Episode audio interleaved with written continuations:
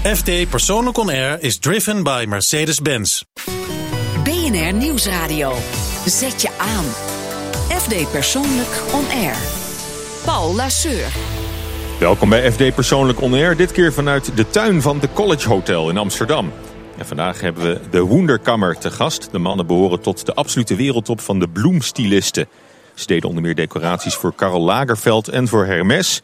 En een maand geleden richtten ze het Kromhouthuis in Amsterdam in. Hun stijl is uitbundig, wilderig en een ode aan de natuur en aan de Gouden Eeuw. Maar nu eerst. Eigenlijk had ze helemaal niet de ambitie om museumdirecteur te worden. Ze had het prima naar haar zin als curator en toch staat ze nu al acht jaar aan het hoofd van het Mauritshuis.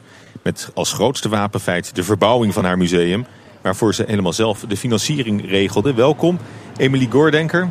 Goedemorgen. Goed, dat je er bent. Lekker zo in de, in de zon hè, op, het, eh, op het terras. Helemaal heerlijk. Eindelijk heb je de afgelopen dagen ook al een beetje van de zon eh, kunnen genieten of uh, vooral binnen geweest? Ik moet opbiechten na die verbouwing. Ik heb een kamer met een uitzicht over uh, het Binnenhof. En stralende zon. Dus ik zit heerlijk vaak gewoon te werken. En ik Met vind helemaal geen straf. Ja, okay. ja. dus het is Ja. toch uitzicht op een, op een, zonnig, uh, op een zonnig binnenhof daar. Klopt. En uh, je, je, achternaam even, hè? Goordenker, dat spreek ik toch goed uit, hè? Ja, dat is, uh, ja, Het is heel fijn dat je dat ook doet. Het is een super verwarrend verhaal. Ik heb een, een Nederlandse moeder en een Amerikaanse vader. En mijn achternaam klinkt weliswaar Nederlands, maar het is eigenlijk een soort kromme Oekraïense naam ooit geweest. Mijn grootouders zijn uit Oekraïne naar Amerika gegaan en dat werd gewoon een beetje raar opgeschreven.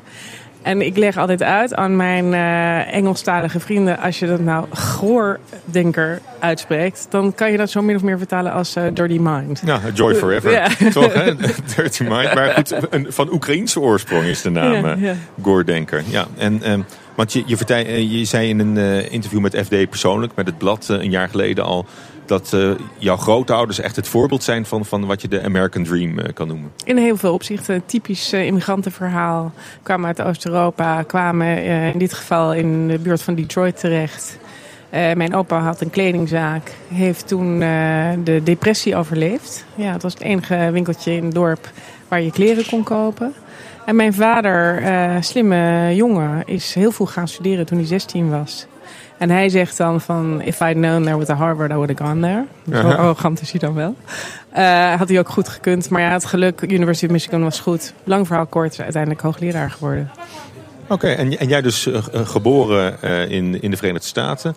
Maar, maar je, voelt, je voelt je wel Nederlandse. Ik voel me eigenlijk allebei. En dat is echt een hele grote voordeel. Als ik in Amerika ben, dan zeggen ze van... Oh, you're so European. En, en als ik in Nederland zeg, ja, je zo Amerikaans. En ja, op een gegeven moment, kijk, als je aan het puberen bent, is dat heel vervelend. Want je wil gewoon in de groep horen. Maar op een gegeven moment uh, leer je dat omarmen. En dat is eigenlijk gewoon heel erg fijn, want je hebt heel veel vrijheid. Je kunt om. ook zeggen, je hoort er overal een beetje bij. Klopt, zo ja, zie ik dat en ook. Dat is, uh, en uh, wist je eigenlijk altijd al dat je in Nederland zou, zou eindigen of zou neerstrijken? Totaal niet, nee. Het leven, nou ja, ik moet zeggen, als kind hebben we heel veel gereisd. Mijn moeder had altijd heimwee. En mijn vader was dus hoogleraar, had hele lange zomers vrij om onderzoek te doen. Dus mijn ouders hadden een afspraak, iedere zomer in ieder geval in Nederland. En dan het schooljaar waar mijn vader wilde zijn. En dat was, ja, varieerde van uh, Oeganda in Afrika tot en met uh, Nederland. Een jaar toen heb ik Nederlands geleerd. Okay. Dus het was altijd wel het gevoel van, je kan overal wel terecht. Oké, okay, nou, nu we dan toch al de hele wereld een beetje zijn over geweest in gedachten, ja. kunnen we meteen door naar het, uh, naar het droomweekend. We vragen onze gasten altijd als ze geen beperking hebben aan tijd, geld of afstand, hoe ze dan hun droomweekend zouden doorbrengen. En in jouw geval klinkt dat ongeveer zo.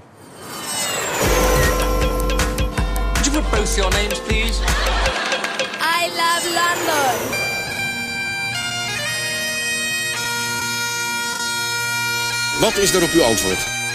Ja.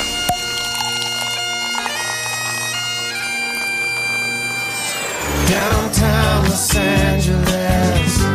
Los Angeles may be best known for film, but it also has an exciting art scene. LA is home to some of the best museums in the United States, and there are a number to choose from on your visit. Ja, u hoorde het droomweekend van Emily Goordenker, eh, directeur van het Mauritshuis. Zij is vandaag eh, mijn gast. Ja, meestal, eh, Emily, zit er wel één strandlocatie bij als we gasten vragen naar een, een droomweekend. Bij jou niet, hè? Nou, er zitten wel de Schotse heuvels. En de, de natuur in Schotland. Ik heb vier jaar in Schotland gewoond. Ik ben er ontzettend van gaan houden. Niks mooiers dan de dag uh, erop uit uh, in de natuur. Je ziet niemand. Het is fantastisch mooi. Helemaal die ruigte, dat, uh, dat ja. vind je dan. Ja, je bent niet de eerste hoor. Voor mij hebben we al drie of vier keer iemand gehad die graag naar Schotland gaat. Maar ook heel, ook heel begrijpelijk. Ik vind het ook, ik vind het ook prachtig hoor. en verder Los Angeles, toch. Ja, Los Angeles is zo'n stad waar ik niet vaak genoeg kom. Er gebeurt ontzettend veel. Ik hou van dat een beetje rommelig. het, is, het ziet er niet uit, maar het is ontzettend een leuke stad om te zijn. En er is heel veel uh, gaande op vlak van cultuur.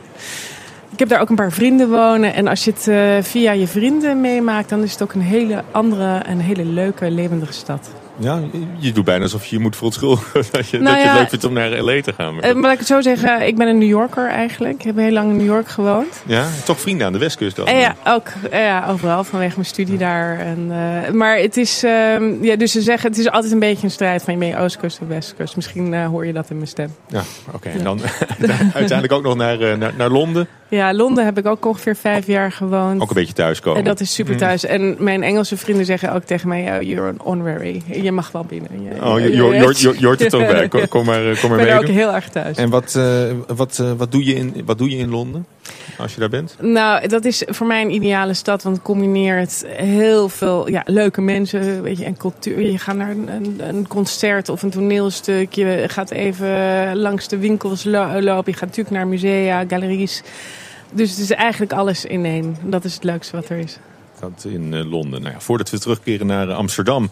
gaan we in gedachten nu even door naar uh, Den Bosch... waar de Jeroen Bosch-gekte nog altijd heerst. Natuurlijk ook weer fascinerend. Er gebeurt in Nederland ook heel veel op, op kunstgebieden de laatste, laatste tijd. Maar we gaan naar, naar Den Bosch, want we spraken met modeontwerper Abby van de Krommenakker... die een Jeroen Bosch-collectie ontwierp. En we vroegen hem of we een blik in zijn Blackbook mochten werpen. En hier volgen zijn favoriete merken en adresjes. FD Persoonlijk On Air. Blackbook. Mijn kleding koop ik bij. Vooral in Milaan. Eigenlijk is het meestal uh, ja, uh, en passant dat ik dingen koop. Ik ga er echt niet speciaal voor uit. Uh, speciaal voor naar een winkel toe. Ja, echt als ik merken koop, dan is het vooral Dolce Gabbana. Mijn beste aankoop van de laatste maanden is... Een hele makkelijke trenchcoat van, van Zara, die voor ieder weerstype goed is.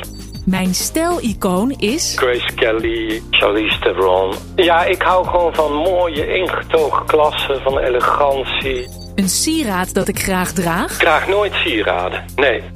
Ja, hoewel, oh, ik, ik, ik, nee, natuurlijk. Mijn kruisje wat ik altijd om heb. Een kruisje wat ik ooit heb gekocht in de Armani store.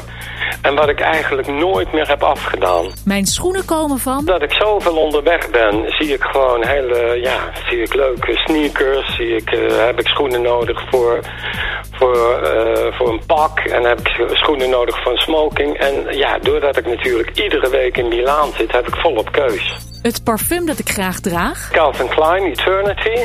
Mijn volgende aankoop wordt... Het is weer een prachtige smoking blazer. Uh, die ik eigenlijk al gezien heb. Een donkerblauwe. Daar heb ik al gezegd, die kom ik volgende week of zo ophalen. Kan ik ook altijd goed gebruiken inderdaad bij mijn vele premières. Maar kan natuurlijk ook prachtig als je op het eind op de catwalk opkomt met een mooie donkerblauwe smoking. Ja, dat waren de favoriete merken en adresjes van uh, Adi van der Krommenakker. Bijna zijn kruisje uit de Armani Store vergeten. Uh, vanuit Den Bosch kwam hij. Um, Emily, ja, je bent oud mode-inkoper van Bloomingdale's. Dus ja, ooit. Heel lang geleden. Heel lang geleden. Ja, ja. Heb je wel affiniteit met mode nog altijd? Nou, het, op een paar vlakken wel. Ik vind het belangrijk. Ja, mensen kijken wel naar wat je aan hebt. Het zegt wel wat over jezelf. Dus in die zin heb ik daar affiniteit voor. En gek genoeg heb ik daar later mijn proefschrift over geschreven. Over? Is, uh, ja. over wat mensen aan hadden in de portretten uit de 17e eeuw.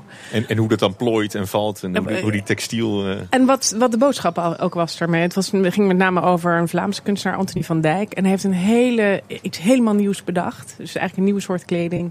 Dus ik vroeg me af waarom en wat voor invloed had dat later. Dat is, dat is geen, geen feitelijke kleding, die werd niet zo gedragen. Klopt, dat was een beetje half uh, gebaseerd fantasie. op echte en half fantasie. Oké, okay, ja, en, ja. en, en hoe zag dat er dan uit? Wat, wat is daar kenmerkend aan? Nou, wat vooral uh, je ziet in de vroegere 17e eeuw zie je al die ingewikkelde kanten kragen en al die accessoires. En die heeft hij gewoon weggelaten. En dat werd gewoon heel vloeiend en prachtig. En uh, een beetje bijna mythologisch. Oké, okay, dat, was, dat was later dan je, je, je proefschrift. Ja. Uh, daarvoor heb je ook Ruslandkunde gestudeerd. Ja, ik heb een ongelooflijk lelijk cv. Ik heb echt gewoon heel lang over gedaan om het draai te vinden. Uh, in Amerika, waar ik studeerde, is het wel zo dat je met een BA heel uiteenlopende vakken doet. Dus je loopt college, werkgroepen en verschillende dingen. En je kiest een, zeg maar, een major, een concentratie. En dat was Ruslandkunde. Uh, ik ben toen afgestudeerd en eigenlijk wilde ik niet meer verder daarmee. Maar ik had even wat tijd nodig om na te denken. Toen ben ik de kleding, dus die bloemendeels ingegaan. En vervolgens ben ik uh, weer uh, de universiteit ingedoken. Toen ben ik uh, mijn ME en mijn proefschriften, mijn doctoraat gehaald ja. in, in de kunstgeschiedenis. En, en al, dat... al, met al, als je Ruslandkunde meetelt, zag ik, heb je, heb je twaalf jaar aan de universiteit doorgebracht. Ja, dat klopt. Ik hou wel van leren. Maar wat je wel bij je BA leert, is goed kritisch denken en lezen. En dat kan je eigenlijk op bijna alle vakken toepassen. Dus dat, daar heb ik gebruik van gemaakt. Okay, en als we het dan toch hebben over, over, over luxe en, en, en mode. Wat is, wat is voor jou echt, echt luxe?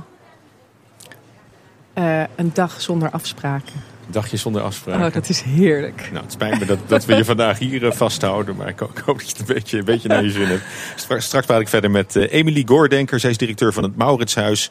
Ik praat over de grote verbouwing die achter de rug is. En de teruggekeerde rust in het museum. BNR Nieuwsradio. Zet je aan. FD Persoonlijk On Air. En vandaag is Emily Goordenker te gast. Zij is directeur van het Mauritshuis in Den Haag. Het museum en ook jezelf heb je flink op de, op de kaart gezet met die gigantische verbouwing die natuurlijk een hele tijd heeft geduurd. Inmiddels alweer weer een jaar achter de rug is. Hè. Ik, ben, ik ben ook geweest. Het ziet, ziet er natuurlijk prachtig uit. Het biedt ook veel nieuwe, nieuwe mogelijkheden. in 2014 al was het, was het klaar. Kon ook het meisje met de parel van Vermeer weer, weer thuis komen. Dat is wel een belangrijk moment dan, denk ik. Hè? Dat, Absoluut. Uh, zo'n Ook voor de bezoekers, denk ik. Ja, voor iedereen. Uh, dat de collectie weer uh, toegankelijk was voor iedereen. Dus het staat gewoon bovenaan de lijst.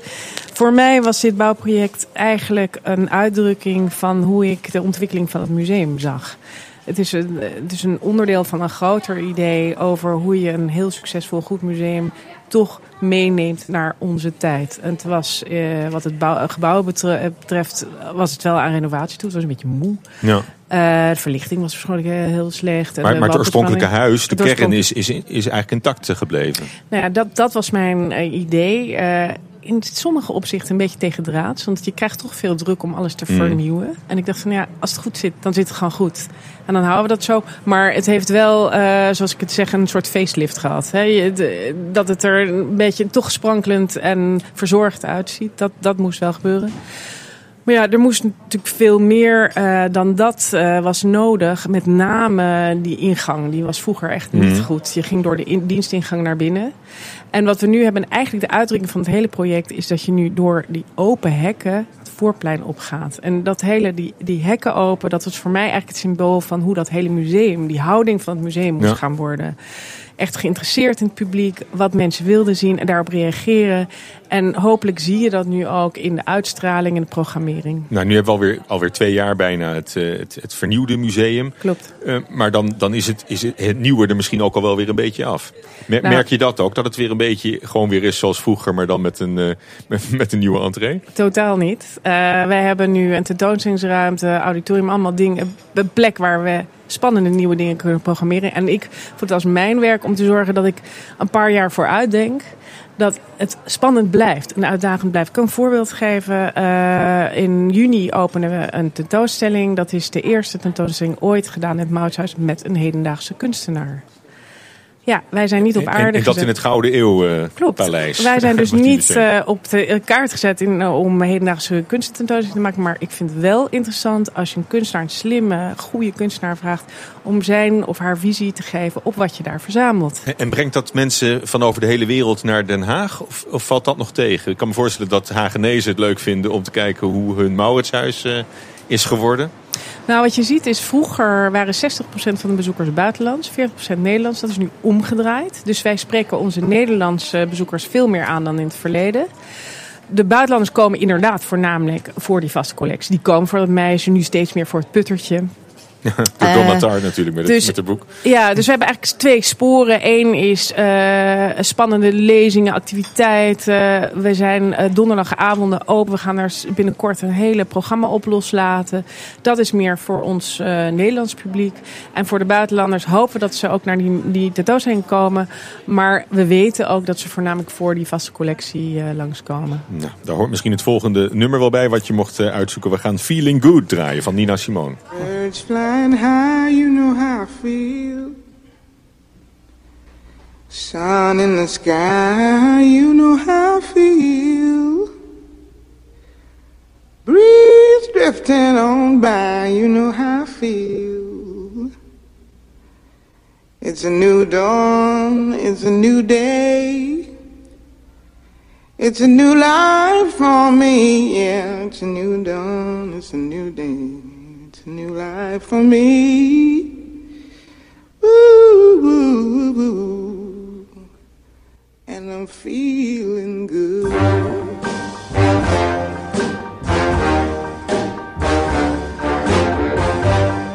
Fish in the sea, you know how I feel.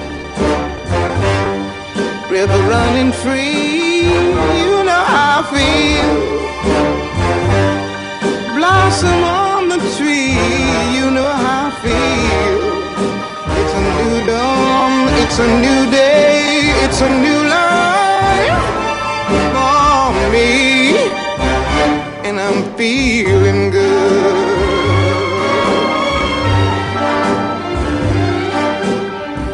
Dragonfly out in the sun, you know what I mean, don't you know? Butterflies all having fun, you know what I mean. Sleep in peace when day is done, that's what I mean. And this old world is a new world and a bold world for me. And I know how I feel. It's a new dawn, it's a new day, it's a new life come.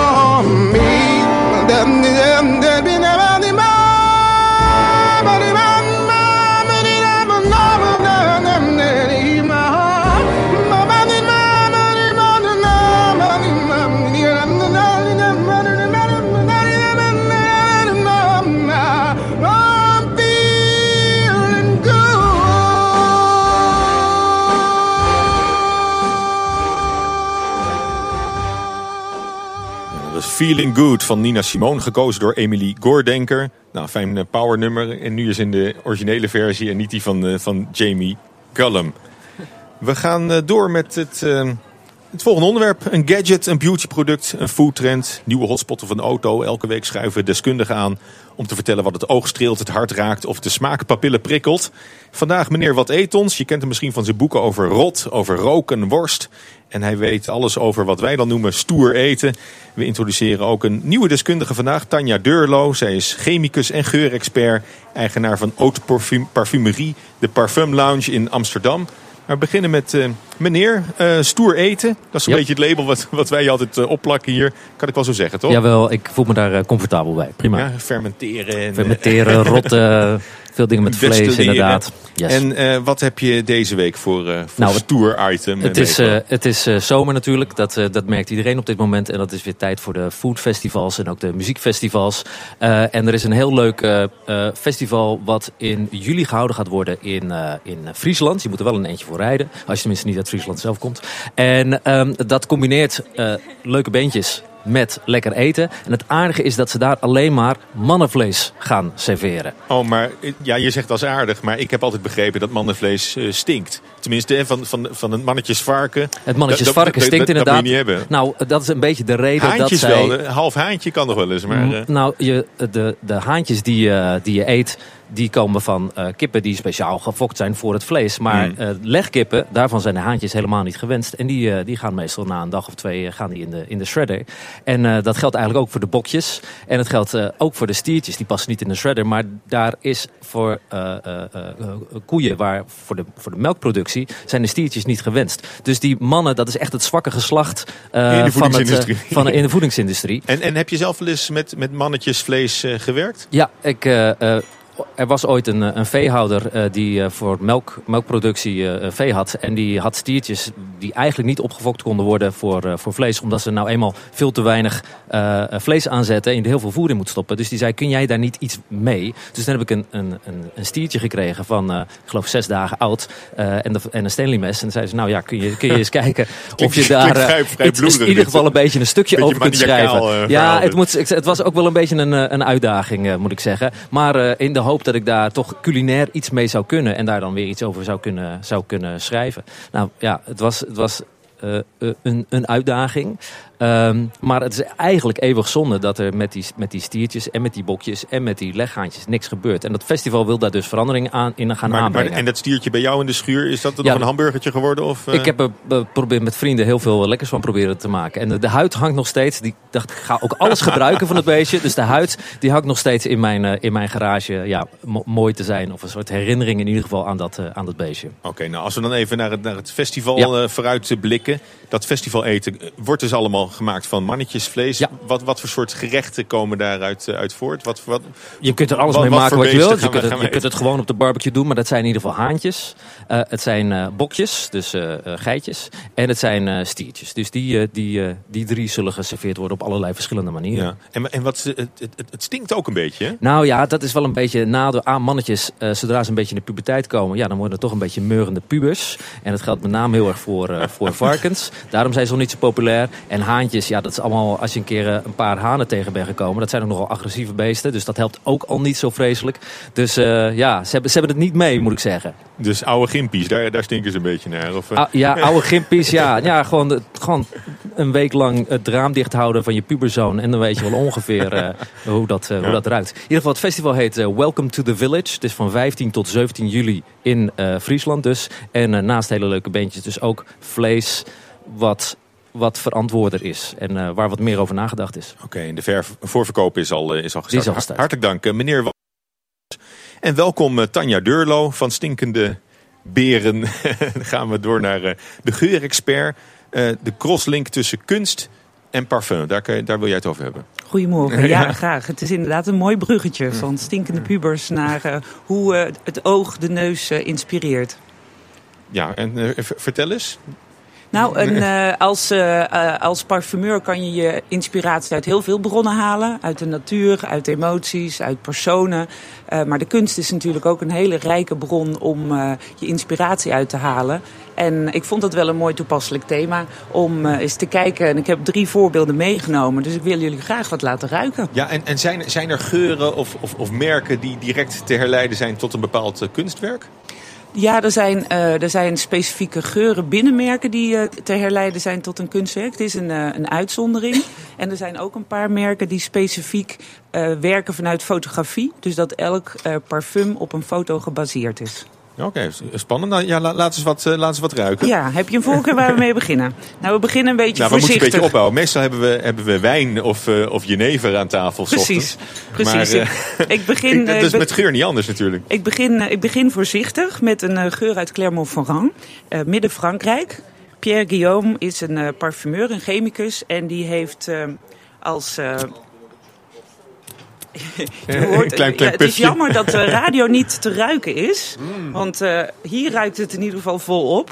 Ehm jullie kunnen meeruiken. Nou, wat, wat spannend is, is natuurlijk om, om te praten over geur. En ook eh, hoe je geur omschrijft. Want dat vind ik nog wel eens lastig. Ja, ik, ehm, ik, heb, ehm, eh, ik maak nu een. Want ik geef jullie de, de geur van het melkmeisje. Dus ik, eh, ik ga even van Clermont-Ferrand terug naar het melkmeisje. Excuus. Want eh, we gaan natuurlijk wel echt ruiken. Nou, hoe, hoe, hoe, ru- hoe ruikt het melkmeisje? ja, het melkmeisje is van Baruti. Baruti is een, eh, een merk van een Nederlands-Griekse parfumeur. En die heeft het melkmeisje genomen als inspiratie tot dit parfum. En het is echt avant-garde parfumerie. Ik zie het ook aan jullie reactie. Het is echt de niche en echt vrij uh, artistiek. Je moet het durven dragen. Zo is het. Uh, de parfumeur, Spiros Drosopoulos, heeft als uh, gedachte hier van dat je naar het melkmeisje kijkt, dat je de vroege verwachtingsvolle zomer door het raam ziet komen, dat je in de hals van het meisje ruikt en dat je het fruitige uh, van een beetje peer herken je misschien. Het bloemige van seringen, van lindenbloesem uh, ruikt. En ook het melkachtige, een beetje ja. honingachtig. Ja. Emily ja, Goordenker, hoe... Uh, hoe nou, ik had natuurlijk het meisje met de parelparfum willen hebben. Maar oké, okay, kan er mee door. Dat doen we de volgende keer. gaan we doen. Uh, maar het is heel grappig, want ik rook, het is best wel fris. En een beetje iets van uh, Provence ruik je wel eens dat figue, heet het geloof ik. Dat ruik je ook. En ik, als ik aan het melkmeisje denk, denk ik aan ja, melk en kaas en warm brood. En een beetje. een beetje nou ja, dat, dat heel erg comfort food-achtig. Dus dit is heel verrassend. Ja. Want het is pak meer de sfeer, het licht. Dat inderdaad dat voorjaarssfeertje. ik heb een hele grote neus, dus ik vind het ook heel erg leuk. Ja, fantastisch. Nee, maar dat is precies wat de parfumeur, dat, dat intieme, maar ook het gelukzalige. Ja. Oké, en heb je er nog één? Ja, natuurlijk. Dan gaan we nu toch naar het beloofde Clermont-Ferrand. Uh, Bois Naufragé is geïnspireerd op een foto. Op een uh, foto die heet, moet ik even het netjes uh, Frans uitspreken, Nu au Bois Flotté. En dat is een zwart-wit foto uit 1971. Ik ga even voor jullie sprayen. En die foto die heb ik hier staan. Alsjeblieft. Dankjewel. Het is een, uh, een uh, zwart-wit foto van een, uh, van een naakte vrouw op gedroogd drijfhout. En als je ruikt het, je ruikt denk ik het sensuele. Het is, dus het is wel een uitdaging, vind ik hoor. Dat je, het is, als ik jullie daar doorheen mag, mag leiden door deze Bois Naufragé. Um, het is het houtige van, vijgen, van vijgenboom. Het is het ziltige van ambergris en vetiver. Dus een beetje zout op je huid. En het is ook het zonnige. Ambergris heeft ook iets heel zonnigs. Wat uh, ruiken jullie dat mee? Ja, ik, ik doe heel erg mijn best. Maar ik, ik, ik kan het hout heel goed ik vind Het, ik vind, het wel een beetje citroenachtig ook wel, een beetje frissig. Ja, het is de combinatie tussen warm en koel. Ja, ja. ja. En een beetje jaren zeventig inderdaad. Ja, oh, ja. de foto dateert uit 71, dus dat klopt. Nou, ik denk dat van, van al de, van, van, de, van deze verhalen en, en, en de geuren en ook, ook de plaatjes daarvan... Uh, die zijn ook allemaal op, um, op, uh, op onze site uh, terug, terug te zien. Of in ieder geval op de, op de social media. nog even de laatste, kan je kort vertellen wat je, wat je nog als, als derde mee had? Ja, als laatste heb ik een hele donkere. Dus in die opbouw van de wijn mm. doen we dat nu ook in de opbouw van het parfum. Dit is Salome. En ik weet niet of jullie uh, de, het verhaal kennen van Salome. En uh, het... Uh, het onthoofde hoofd van Johannes de Doper. Dat was de inspiratie voor deze Engelse parfumeur. Liz Moores van Papillon. En Salome is gebaseerd ook op een uh, zwart-wit foto uit de jaren 20 van een flapper girl. Dat was een, uh, een uh, dus dit is echt voor gevorderden. Dit is niet voor de zaterdagochtend. Dit is donker. Dit is vintage boudoir. En dit is wat wij noemen dierlijk. Dus het is een beetje dirty, lekker viezig um, castoreum wat je ruikt. Nou, lekker viezig, dirty Salome. Daar sluiten we dan uh, graag uh, mee af. Uh, hartelijk dank, Tanja Deurlo en meneer Wat Etons. Zometeen zijn we terug met de Woenderkammer. Dat zijn bloemisten van het allerhoogste niveau. BNR Nieuwsradio. Zet je aan. FD Persoonlijk On Air. Paul Lasseur. Deze week heeft het weekendmagazine van het Financiële Dagblad, de FD Persoonlijk, een wonen special. Nou ja, wij ontlenen onze naam aan het blad, dus uh, we sluiten ook aan soms bij hun specials. Doen we ook vandaag en we nodigen de meesterbloemisten van de Woenderkammer uit. Vandaag ook besproken in uh, het magazine. En welkom Florian Zijt. Uh, jouw partner Uli Ziekner, die is in de winkel achtergebleven. Die is aan het werk, ja, helaas. die is aan het werk. Nou ja, in het magazine staat een indrukwekkende opsomming van namen waarvoor jullie de bloemstyling allemaal hebben gedaan. Hermes, Karl Lagerfeld. waar zijn jullie zelf het meest trots op? Of, of, is elk project weer, weer een... Uh... Het is heel moeilijk. Eigenlijk is ieder je, project... Je wil ook niemand teleurstellen natuurlijk. Nou, ieder project is een uitdaging. Kijk, zeker is het heel leuk als je voor een hele grote naam mag werken... en daar met een gek creatief team aan een mooie opdracht kan zitten. Maar het kan net zo mooi zijn als je voor een, iemand onbekend een wens kan vervullen met bloemen of planten. En dan is eigenlijk meer de, bloemen en de planten, wat je doet, wat iedere keer een uitdaging is, want zijn levende producten. En zelfs na zoveel jaar werk is het soms dat een bloem niet open is als je hem open wil hebben, of een bloem gaat te snel openbloeien, wat je eigenlijk ook niet wil. Dus het blijft iedere opdracht spannend qua bloemen en planten om het um, nou, op het goede ogenblik het goede resultaat te hebben. Ja, en, uh, maar, maar noem eens een project waar, waar, waar je helemaal in hebt uitgeleefd, waar alles kon. Nou, wat echt fantastisch was, was het project dat we afgelopen voorjaar hadden eh, onder het Rijksmuseum. In de fietstunnel mochten we voor de Green Gallery een uh, soort presentatie geven van het magazine. En natuurlijk te gek als je midden in Amsterdam zo'n fietspad stilgelegd wordt. Nou ja, alle fietsers die een beetje boos zijn aan de ene kant. aan de andere kant heb je een unieke locatie. En we hadden toen het geluk dat heel veel dingen bij elkaar kwamen. Waardoor de hele opdracht, als die toen klaar was s'avonds voor het diner, eigenlijk een soort droom was. En dat was voor ons echt uh, een highlight. Dat was ja. echt fantastisch. En het, is, en het is per definitie tijdelijk, hè? Want die bloemen die verwelken weer en die, moet, die moeten weer worden, worden weggehaald dat is aan de ene kant ook het leuke. Weet je, wij maken soort dingen voor een korte ogenblik en mensen moeten intens genieten. Je kan het misschien vergelijken met die geuren net, weet je. Dat is nog, nog misschien nog iets korter een geur, maar ons bloemen zijn voor een paar uur, misschien voor avond, misschien voor vijf, zes dagen als iemand het huis heeft. En dan is die bloem weg en je hebt een soort heel kort ogenblik waar je intens moet genieten van iets bijzonders. Ja, en, waardoor springen jullie eruit met, met de Wonderkammer? Wat maakt jullie bijzonder? Wat, is jullie signature? nou, kijk, dat is heel moeilijk te zeggen. Ik denk, we hebben het heel groot geluk dat um, wij elkaar gevonden hebben, wij elkaar heel erg goed aanvullen. We alle twee enorm van de natuur houden en van bloemen en planten bijzonders. En wij het nu eigenlijk op dit ogenblik het grote geluk hebben dat mensen blijkbaar wat wij leuk vinden aan de natuur waarderen. En daardoor wij misschien in de smaak vallen of mensen leuk vinden wat wij doen. En wij eigenlijk morgen uitleven wat ze het leukst vinden. Kijk, zo'n ochtend om zes uur waren wij met z'n tweeën in de tuin bij ons bezig. En hebben lekker ons planten geschoven en water gegeven en geknipt. Nou, daar maak je mij super gelukkig mee. en, en, en, en vertel eens, hoe, hoe, hoe ziet jullie werk eruit? Um, wij proberen natuurlijk te werken. Wij proberen de rijkdom, de schoonheid van de natuur in het voorgrond te stellen. Wij proberen weinig zelf aan de bloemen te doen. Dus weet je, geen pareltjes of bonte draadjes of uh, bloemenvormen of buigen. Maar meer de ruigheid, de schoonheid van de natuur laten zien. En ik vind het mooiste eigenlijk als je bijna die idee hebt... we zouden s ochtends langs de weg geweest zijn... en hebben een flink boeket geplukt en neergezet. Kijk, dat lukt niet. Maar dat gevoel vind ik bij bloemen het mooiste. Als je echt de natuur voelt en niet een soort kunstmatig product. Nee. En tegelijk ook de, de, de enorme wilderigheid van de natuur. Hè? Zeker, en het seizoen. En het seizoen. En het lijkt ook op, uh, op, op de Gouden Eeuw, volgens mij. Het, het, het, het, het zijn die, nou, die ik heb wel een uitnodiging. We hebben letterlijk de afgelopen week een kabinetje in het Moutshuis ingericht... met alleen maar bloemstillevens. Oké, Dat was naar aanleiding van een schilderij wat wij een paar maanden geleden hebben gekocht... van Roeland Saverij. Het was gepresenteerd op de TEFAF. En dat is nou precies zo'n boeket waar jullie erg van zouden houden. Het heeft iets heel ruigs. Middenin zitten hele enge doorns, zo'n wilde rozen... Uh, dus het heeft iets heel bijna als een oerwoud in een, in een glas.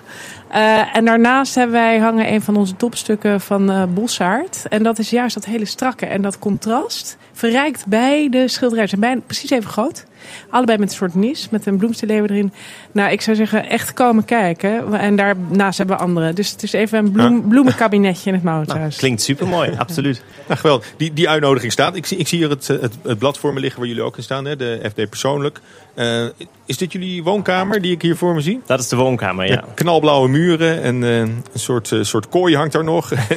en een 2,5 meter hoog boeket ook. het, het ziet er wel spectaculair uit ook.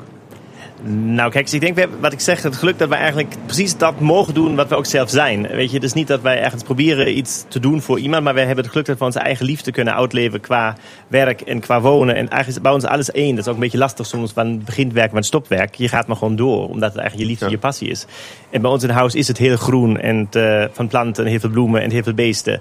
Dus... Uh, ja, maar, maar, maar ik, ik, zie ook wat, uh, wat bonte kussentjes uh, erbij liggen en, en, en een hertengewei. En, uh, het is eigenlijk net als op die stillevens waar, waar torretjes en, en salamanders rondkruipen. Ja, dat klopt. Dat is toch een herinnering dat die bloemen zullen verwelken. Ik moet zeggen, ik ben er zo jaloers op. Ik heb zelf zwarte vingers. Ik maak alles dood.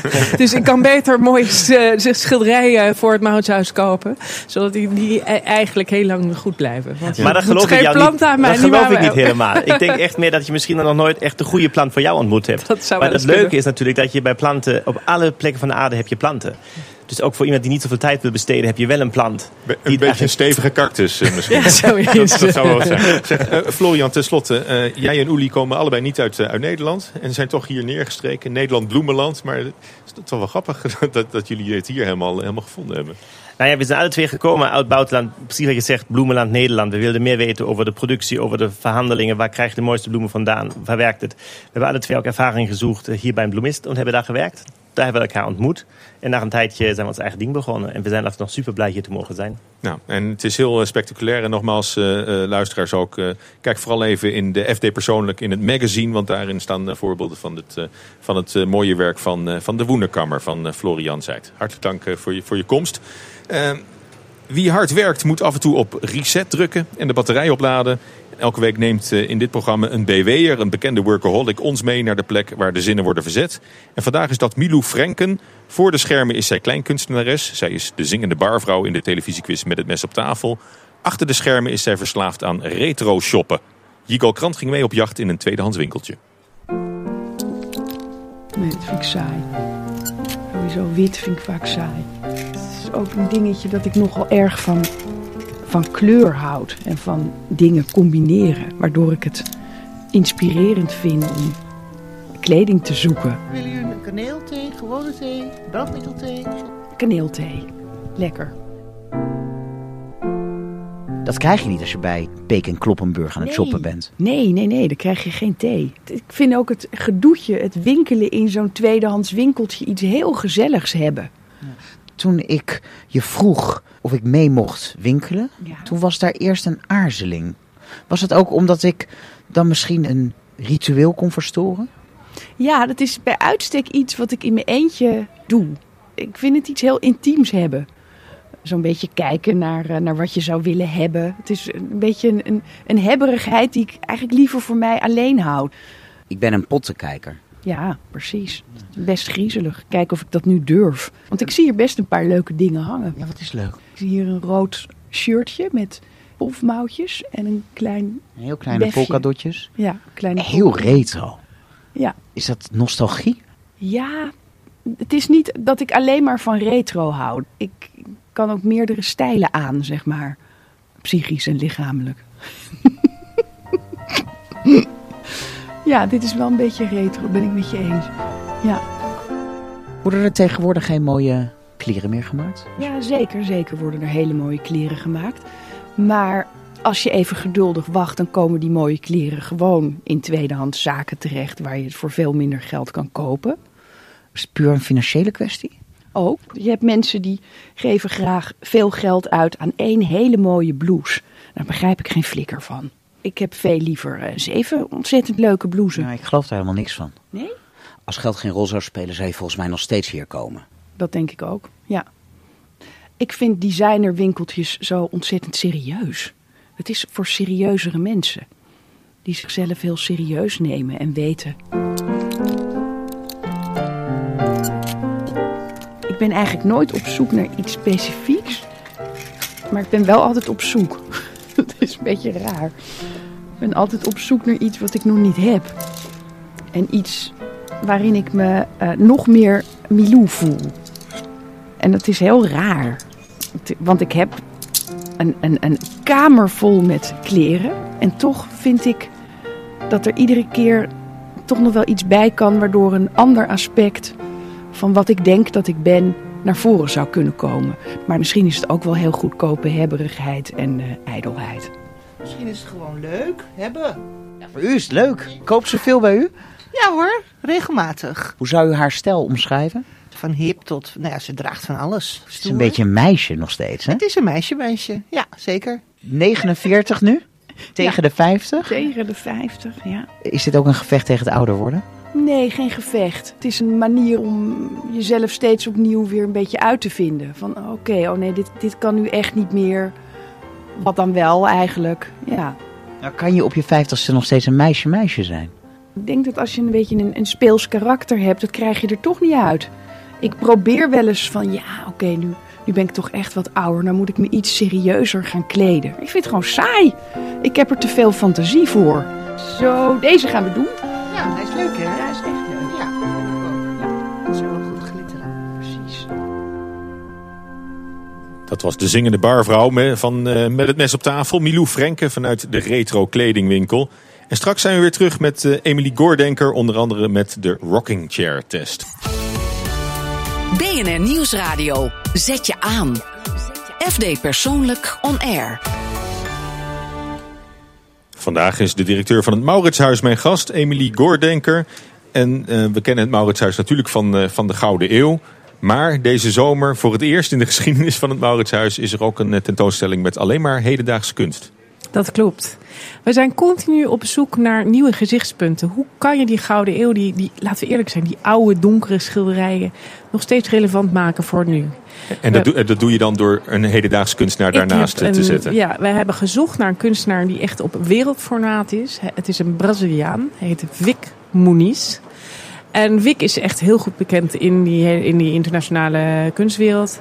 Maar hij is ook heel slim over musea en wat er allemaal plaatsvindt. En wat hij voor ons gaat doen, is een kijkje geven op de achterkanten van de schilderijen. Wat hij dus doet, is hij maakt heel nauwkeurig na hoe een schilderij, een heel, vooral een heel bekend schilderij zoals Mona Lisa of Ons meisje met de Ja. parel, hoe dat eruit ziet als je het omdraait. En is dat ook een, een, een feitelijke weergave of is het een Het is is, het zo, fantasie? het is zo exact dat wij het verschil niet eens kunnen zien. Alleen aan de voorkant is er niks. Dus wat hij doet, is hij werpt die vraag op van... Ja, maar het is ook een object. Je kent het als een beeld in je hoofd. Je weet precies, op Mona Lisa weet je precies hoe het eruit ziet. Maar de achterkant is ook een object wat verhandeld wordt... met haakjes en oogjes en stickertjes en plakkertjes. En dat wil hij met het publiek eh, delen. En dat is een hele leuke opvolging. We hebben nog, toch nog tot zondag, tot morgen... een tentoonstelling over wat wij allemaal in depot hebben. Want die vraag krijg ik heel vaak. En daar kan je ook zien hoe die schilderijen er ook van de achterkant uitzien, maar ook waarom ze in depot hangen. Dus dat is nog tot morgen. En dan in, vanaf juni hebben we Vic Muniz. Maar het is wel, wel interessant natuurlijk dat je een, een expositie organiseert over de achterkanten van, van schilderijen. Dat is, absoluut zo. Dat, dat is helemaal voor het Mauritshuis is dat een behoorlijke stap, denk ik. Ja, wij durven wel wat. ja, Ja, dat, dat, dat zeg je nu. Eh, je, zit er, je zit er nu al eh, acht jaar ook, hè?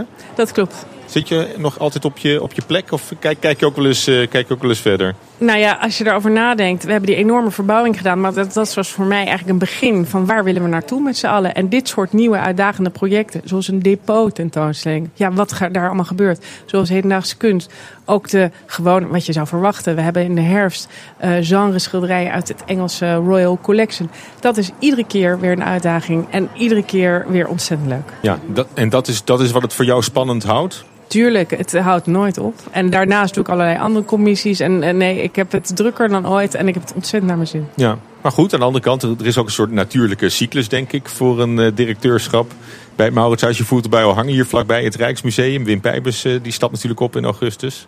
Je komt op al die lijstjes voor. Je zit altijd in de top 4 shortlist voor, eh, eh, voor, voor de positie van directeur van het Rijksmuseum. Nou, het is een enorme eer om eh, zo Genoemd te worden, genoemd ja. te worden. Dat is al, ben ik al heel tevreden mee. En ik denk dat het heel erg afhangt van wat zij daar willen voor de toekomst. Nou, en een vrouw misschien wel. Voor mij is het belangrijk dat ik nadenk ben in, bij zo'n situatie. En ik weet volledig niet over dat rek. Ik weet helemaal niet wat daar nu speelt. Maar dat je nadenkt over ben jij de juiste persoon om uit te voeren wat zij nu nodig hebben in de toekomst. In plaats van is het nou goed op mijn cv. En als je zo nadenkt, dan ga je goed. Ja, en wat, wat betekent dat als, als ze je bellen? Nou ja, misschien wil ik het helemaal niet. Het hangt er erg vanaf, eh want ik heb het ontzettend naar mijn zin waar ik nu zit. Dus we kijken gewoon waar zij naartoe willen en dan eh, zien we dan wel. Jawel, maar je, je hebt ook wel eens tegen, tegen FP, FD persoonlijk gezegd dat je ooit voor een, voor een breder opgebouwd museum zou, zou willen werken. Nou, het, het dat Rijks, het interesseert Rijks me is wel. dat. Ja, maar vergeet niet, ik kan ook makkelijk naar Engeland of Amerika. Dus het hoeft niet alleen het Rijksmuseum te zijn. Ja. Of ik blijf gewoon zitten, eh, weet je. Want Ja. daar kan ik, ik- ja, als ik zulke spannende projecten doe, dan heb ik het helemaal Ja. naar mijn zin. Maar goed, het is wel. Het, het- zijn. eh, je zegt ik kan, ik kan naar, naar Amerika of naar Engeland. Maar er zijn, er, zijn, eh, er zijn niet zo heel veel banen natuurlijk als, als museumdirecteur. Nou ja, Die- dat- die, die van. Als, als, het dan zo, waar, ja. als het dan zo dicht bij huis, zo'n zo'n eigenlijk zo'n spectaculaire job eh, vrijkomt. Nou, het is helemaal zeggen, waar nou, dat je af. heel moeilijk vanuit het Mountshuis ergens anders naartoe gaat. En je merkt gewoon dat directeuren van het heel lang blijven zitten. En daar is een hele goede reden voor. Je hebt natuurlijk een aanloopperiode. Ik kwam van het echt helemaal niets. Ik wist echt helemaal niks toen ik hier aankwam. Ja, het duurt wel even voordat je dat door hebt. Dan wil je allemaal projecten uitvoeren. En eigenlijk is die collectie zo fantastisch. En je kan er zoveel mee. Dat je ook helemaal geen haast hoeft te hebben. Nee, maar goed, maar soms, eh, soms gaat het net een, een jaartje sneller dan je, dan Je je, had, dan je voor jezelf had, had gepland. Nee, maar goed, eh, eh, tegelijk, je, je hebt jezelf natuurlijk wel op, op de kaart gezet. En je, je, je krijgt ook de kans om jezelf te profileren, denk ik. Absoluut. Nou ja, het is ook een beslissing. Weet je, dit soort beslissingen maak je ook niet alleen. Ik heb een fantastische man die ook net een nieuw initiatief heeft opgestart. Ja, dit soort dingen doe je. Het moet de juiste tijd zijn, het moet de juiste baan zijn. En, en ja, dat zie je op dat moment wel. Oké, nou, we zullen het goed in, in de gaten blijven Dankjewel. houden. Erg, erg spannend. Ehm, de rocking chair test dan. Ik Ja. had hem al aangekondigd. Eh, stel, je bent eh, een jaar of 80, 90 eh, misschien. En je, je schommelt wat op de, op de porch, op je, op je schommelstoel. Waarop kijk je dan met tevredenheid en, en een glimlach terug? Het is grappig, mijn vader is 92 en hij heeft zo'n rocking chair. Ah. En ik zie hem dat ook regelmatig doen. Ik denk, eh, voor mij is altijd belangrijk dat je iets eh, nieuws hebt neergezet. Dat je, Dan denk je al gauw aan de verbouwing. Ja, nou ja, ik denk aan- in de eerste plaats, eh, ik noemde het eerder in het programma, dat ik heel lang over heb gedaan om mijn draai te vinden. Met mijn proefschrift heb ik echt iets nieuws neergezet. Daar ben ik nog steeds heel erg, eh, eigenlijk heel trots op. Dat is nog veel moeilijker dan, dan in een grote groep werken. En dan je eentje achter je computer echt een nieuw idee neerzetten. Vervolgens ben ik heel... Wat, wat, wat, wat was daar zo moeilijk aan? De discipline opbrengen? Ja. Om, om, om eh, gewoon uren te maken op de, op de typemachine? Nou ja, laat ik het zo zeggen. Je zit iedere ochtend, kijk je naar een blanco scherm. En dat scherm tegen, zegt Mm. tegen jou, jij moet nu een bijdrage doen aan je Moeten, vak. moeten, wat moeten. nooit iemand anders heeft gedaan. Maar niemand zegt, je moet over tien minuten dit hebben gedaan. Dat, je moet het gewoon die, die discipline Uit zelf jezelf. opbrengen. En dat is dat, is ook voor alle kunstenaars eh, hetzelfde. Het is in zekere zin heel creatief werk. Maar dat, dat vraagt ook echt wel ehm, ja, een zelfdiscipline. Ja, Ja. goed. Dat, dat, dat is één, het, het Nou, proefschrift. het tweede, ik heb een poosje in Londen gewoond. En ik, eh, dat was rond 2000. Een moment wanneer eh, de meeste musea zeiden van hun website... nou ja, als het moet. En eh, digitale weet je, reproducties, eh, de afbeeldingen daarop zetten... nou ja, dat gaan we nooit doen. Want dan gaat iedereen achter een computer zitten... en niet naar het museum komen. Mhm. En ik dacht toen, nou, dat is helemaal fout. Ik wilde me daarin verdiepen. En in plaats van braaf doorgaan op mijn vakgebied, eh, ben ik een post gaan werken voor bedrijven die dingen deden met nieuwe media. Bijvoorbeeld, ik heb een app gemaakt voor Tate Modern voordat er überhaupt een iPhone was. Mhm. Want ik dacht, dit zit eraan te komen. En dat is natuurlijk ook heel erg leuk als je aan het begin van een. Nou, het is, heeft, is natuurlijk geëxplodeerd. Het is heel belangrijk geworden voor ons als musea. Ja. En daar ben ik ook wel heel blij mee dat ik dat vroeg zag aankomen. Oké, nou, en, inmiddels ook... Daarna natuurlijk eh, de verbouwing, maar ook het eh, n- eigenlijk om voor. Het is niet alleen een gebouw neerzetten. Het is ook nadenken over dat hele museum met personeel. Wij zijn bijvoorbeeld heel erg eh, bezig met gastvrijheid. Wat voor tentoonstellingen we doen, wat voor programma's we doen, wat we doen voor onze fantastische vrienden. Ja, het is een geheel pakket. Dus die, die, dat, dat, die verbouwing is daar een heel belangrijk onderdeel van. Maar één onderdeel van een groter eh, stuk werk. Ja. En, en ja, ik heb er ontzettend veel plezier ja. aan gehad. ja, dat zijn dan de, de grote successen. Zijn er ook te- teleurstellingen waar je, waar je op terugkijkt? Absoluut. Eh, dat ik zo lang eh, erover heb gedaan om mijn draai te vinden. Heel erg jammer. Dat ik mijn eh, man niet eerder heb ontmoet, want Ja. hij is fantastisch. Ehm, dat mijn moeder heel jong is overleden, is natuurlijk wel een grote spijt. Want zij kwam uit Den Haag en had het natuurlijk geweldig gevonden om mij daar op die plek te zien. Nou, maar dat is ook iets wat je, wat je voor jezelf eh, meeneemt, eh, denk ik. Nou, goed, goed om te horen. Ehm, inmiddels is... eh, ehm, eh, ik ook weer. Diana Matroos. Diana Matroos aangeschoven. Eh, Diana, we gaan straks eh, verder met eh, ZZP Café na Ja, BNR zeker. Eh, FD Persoonlijk On Air. Eh, waar ga je het over hebben? Het gaat over passie en drive. Nou, als ik dat zeg, dan denk jij natuurlijk... jeetje, wat een holle begrippen dat je dat nou eh, bedenkt. Maar Daar valt- gaan we weer. Daar gaan we weer. Maar ik, ik beloof iedereen, we gaan er gewoon een hele mooie uitzending van maken. Want het is steeds belangrijker aan het worden. En heel veel mensen volgen hun passie niet en hun drive. En dan kan dat je heel erg in de weg gaan zitten. En ja, mijn passie en drive is wel duidelijk. Hè. Ik bedoel, hier buiten staan bij de College Hotel in de, in de zon. Ja, het kan niet mooier, hè? Mensen moeten gewoon nog lekker komen. Ja, dus we krijgen straks een volle bak voor, voor ZZP Café met Diana Matroos. Eh, voor we afronden wil ik ook nog even namens onze, persoon, eh, onze collega's van FD Persoonlijk... het magazine dan eh, uw aandacht vragen voor het volgende. Want de FD Persoonlijk die denkt mee naar de titel Cover van het jaar... En dan hebben we het over de cover die een vage foto liet zien van voormalig ABN AMRO-topman Rijkman Groening. Die was opzettelijk vaag gehouden natuurlijk, om uit te beelden dat hij zich liever op de achtergrond houdt. En op Twitter vind je een linkje om te stemmen op jouw favoriete cover. Goed, eh, in Lottem dan, want we gaan nu nog eh, naar huis eh, te koop. In Lottem, het pittoreske dorpje aan de Maas vlakbij Venlo, staat de oude bierbrouwerij te koop. Er wordt niet meer gebrouwen helaas, maar het is nog wel een prachtig woonhuis en een goedlopende bed and breakfast. Verslaggever Elfanie Toulaar kreeg een rondleiding van de vrouw des Carlijn Dapper. De Zuidvleugel is de oorspronkelijke boerderij waar de brouwerij in zat. En het huis waar we in staan is het Brouwershuis. Hier woonde de bierbrouwer zelf. En dat zie je op veel plekken ook nog terug. Zoals in de kelder bijvoorbeeld. Het is helemaal onderkelderd. Het is echt zo'n gewelfde bierkelder is het. En er zit bijvoorbeeld ook nog een waterput. Want ja, je kon als brouwer je niet veroorloven dat je ooit geen water had. Ik zou er niet meer uit drinken. Maar uh, nee, hij, hij, is er wel, ja. ja. Je hoort er niks van, maar we staan in jullie keuken. Dit is het hart van jullie huis. Ja, het is uh, bijna 50 vierkante meter. Groot kookeiland, groot fornuis, meerdere ovens, drie ovens in totaal zelfs. Ja, ik hou van koken. Jullie wonen hier een gezin met drie kinderen. Die hoort nu thuiskomen, of ja, niet? Ja, die komen nu thuis, inderdaad. hoi. Lars. Elfanie. Nico. Nico, hoi. Noah. Noah. Wat is voor jou de mooiste plek van het huis? Het zwembad, achter in de tuin. Laat zien.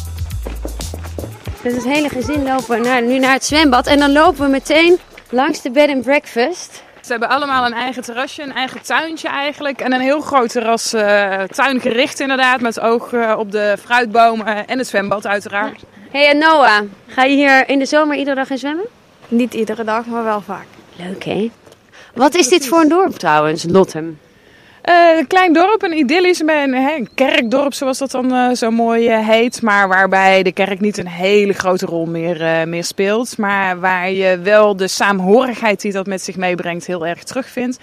Wij zijn heel bewust hier naartoe getrokken met het oog op de bed and breakfast die we graag wilden starten. Op zoek gegaan naar een pand met een verhaal en aan de Maas. Hier, ja. ja, het is echt heel erg mooi hier. Waarom gaan jullie verhuizen? Ja, het is ook heel erg mooi. Maar de combinatie voor ons inderdaad met de bed and breakfast begint ons een beetje op te breken als gezin. Waardoor we besloten hebben, voordat we het echt als worsteling gaan zien, om, uh, om het uh, te kopen te zetten. En terwijl man en kinderen blijven voetballen, lopen wij nog even door de zon naar binnen. Oh ja, zijn prachtige kamers. Heel schoon, ik durf bijna niet naar binnen. Er zijn nu geen gasten, want jullie waren nu bezig... met het terras schoon te maken. Maar ja. hoe druk is het hier normaal? We hebben een bezetting van ruim uh, 60% Dus je haalt er een, uh, een leuk inkomen uit, ja. De vraagprijs is 875.000 euro. Op wat voor kopers mikken jullie? Want het is natuurlijk niet zomaar een huis. Nee, zeker niet. Wij hopen dus ook echt dat mensen de bed and breakfast die wij opgestart hebben gewoon uh, voor gaan zetten. En gewoon ook met heel veel plezier in het, in het woonhuis gaan wonen. En als alle gasten dan een kamer hebben gevonden en de kinderen in bed, wat is dan de plek waar jullie ontspannen? Of we nemen gewoon lekker hier plaats, dicht bij het, uh, bij het huis. heb je het avondzonnetje ook nog, uh, nog lekker. Of we gaan uh, inderdaad lekker in, in de tuin zitten.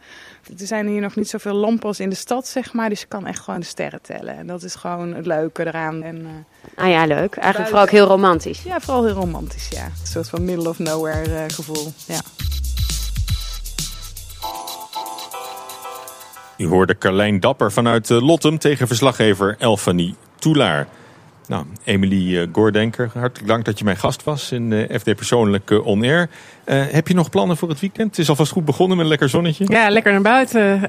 Den Haag is gelukkig heel dicht bij het strand, dus dat zit er waarschijnlijk wel in. Dat wordt Op het, de fiets. dat wordt het strand. Nou, hartstikke lekker. nogmaals, dank dat je er was. Dit was FD Persoonlijk On Air. Blijf luisteren voor ZZP Café met Diana Matroos. Tot volgende week. Houd fdpersoonlijk.nl in de gaten. Alle updates. Ik wens je een fijn zonnig weekend. Terugluisteren? Ook dit programma vind je terug in de BNR-app. FD Persoonlijk On Air is driven by Mercedes-Benz.